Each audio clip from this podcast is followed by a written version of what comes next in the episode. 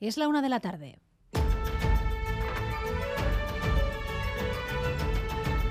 Crónica de Euskadi con María Cereceda.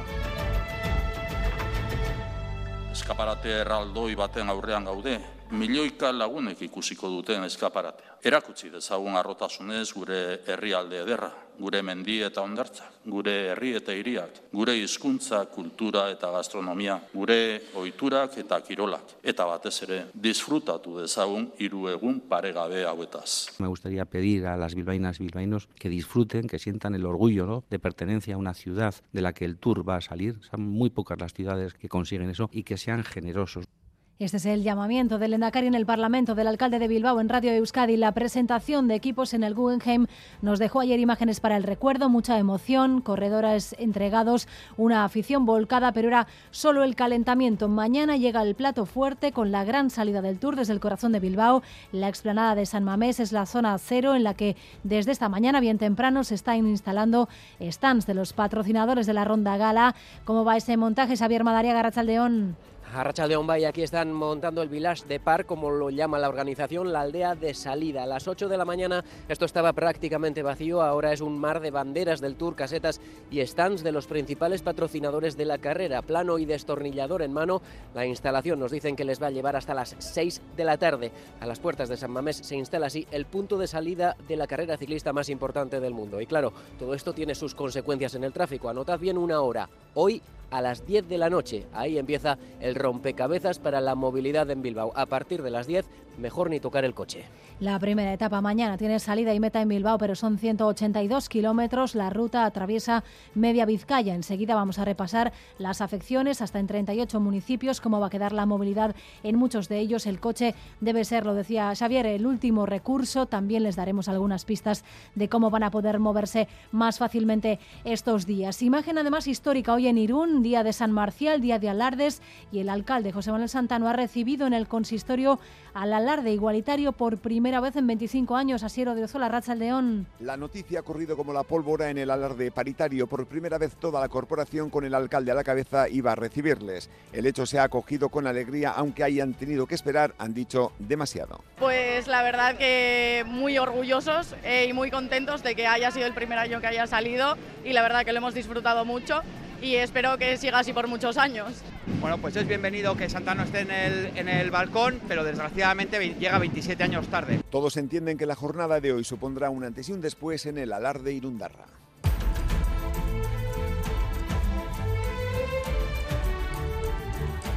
Las Juntas Generales de Álava y de Guipúzcoa elegían ayer a Ramiro González y Aider Mendoza para comandar la Diputación los próximos cuatro años. Ambos han presentado hoy sus equipos de gobierno, gobiernos de coalición PNV-PSE, con gran presencia de mujeres, Fermín Alberdi. Esquema similar en los dos territorios, dos tercios de los departamentos para el PNV y el otro tercio para el Partido Socialista de Euskadi, con mayoría clarísima de mujeres diputadas forales en ambos casos. En Guipúzcoa, Eider Mendoza se rodea de siete mujeres en su equipo y tres hombres Media docena de diputados forales en Guipúzcoa debutarán mañana. En Araba, Ramiro González incorpora al exalcalde de Gasteiz, Gorka Hurtaran, como diputado de Políticas Sociales, un área que su madre María Jesús Aguirre impulsó hace 40 años. Ramiro provoca además un dominó porque se lleva a Saray Zárate a Desarrollo Económico con lo que su recién estrenada concejalía en Vitoria y sus tres áreas las recoge Sonia Díaz de Corcuera, que deja vacante la dirección de tráfico del Gobierno vasco. La subida de la inflación en la eurozona se reduce por primera vez a niveles anteriores al inicio de la guerra en Ucrania. La estimación del Eurostat para junio la sitúa en un 5,5%, pero la subyacente se pone ya casi a la par. También esperamos hoy el dato de cierre de junio del Euribor. Más de 660 personas han sido detenidas esta pasada madrugada en Francia en la tercera y peor noche de disturbios tras la muerte de un menor, por lo que todo apunta a un exceso policial. Crece la tensión, los disturbios se extienden a más ciudades del país y no se descarta que el presidente Emmanuel Macron acabe decretando hoy el estado de emergencia corresponsal en París. Hola, Simón Arrachaldeón. A Rachaldeón, el presidente francés Emmanuel Macron ha convocado una nueva reunión de crisis Para ahora debería estar a punto de empezar y la expectación crece ante la posibilidad de que pueda declarar el estado de emergencia en Francia. Según Protección Civil, ha habido 3.880 incendios, se han quemado 1.900 coches y se han incendiado 500 edificios públicos. Para las 8 de esta tarde están convocadas en toda Francia manifestaciones por el joven Nael. En París será en la Plaza de la Concordia.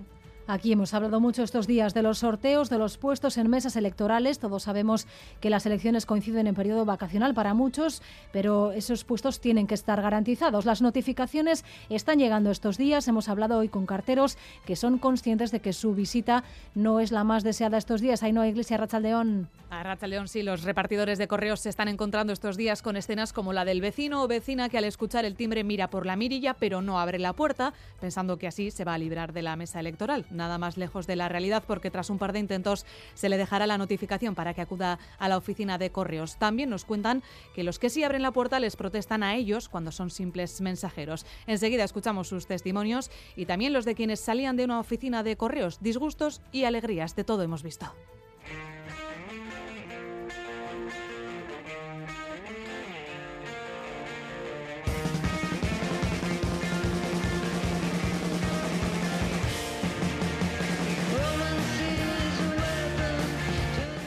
Hoy comienza una nueva edición del Festival Euskal Herria Susenean. La 27 será la última ocasión en la que se celebre en la localidad bajo Navarra de Irisarri. El festival colaborativo crea su programa más allá de la música con diversas actividades culturales. Hasta el domingo se subirán a sus tres escenarios bandas como Belaco, Willis Drummond, Lier J. Martina, Setac o Mandarín. El cartel se completa con bandas no tan conocidas, pero que también forman parte del panorama musical vasco. Aisha Rizabalaga, de la organización de HZ. Guk ez ditugu ere, ez ditu antzinai ere gure inguruko talde guzti horiek, eta hor izen batzu emateko, badira Bayonatik Humano Motor, uh, Dotan, uh, Ausakil Connection, uh, Afrika Bibam Bizkaiatik heldu dena, Titulares también del deporte, Álvaro Fernández Cadierno, Arrachaldeón. Arrachaldeón con el tour transitado entre la magnífica presentación de ayer y el arranque de la prueba de mañana. Tenemos noticia de última hora en el Athletic, ya que se acaba de confirmar la renovación de Raúl García por una temporada más. Concluye, por cierto, hoy también el plazo para que Osasuna presente alegaciones ante la Comisión de Disciplina de la UEFA, que tendrá que resolver si le excluye o no de la Conference League. Y en pelota, cuatro y medio de San Fermín, el Navarro Jugado ayer, Altuna 22, el Ordi 15, el Mezqueta se mete en semifinales, hoy se disputa el Jaca Artola.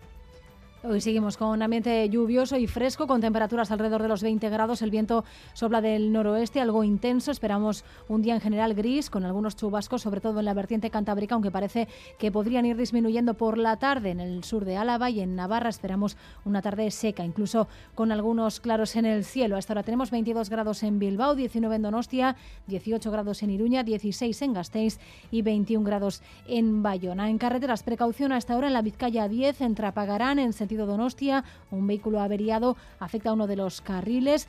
Por otra parte, en la Nacional 634, en Orio, en dirección Bilbao, una bicicleta y un turismo han colisionado. La víctima ha sido una persona herida ha sido trasladada al hospital de Donostia. No se registran mayores afecciones, pero ténganlo en cuenta. Además, a las 3 de esta tarde comienza la operación especial de tráfico, salida de vacaciones. Atención a los que serán los puntos más conflictivos. Idoya Catón.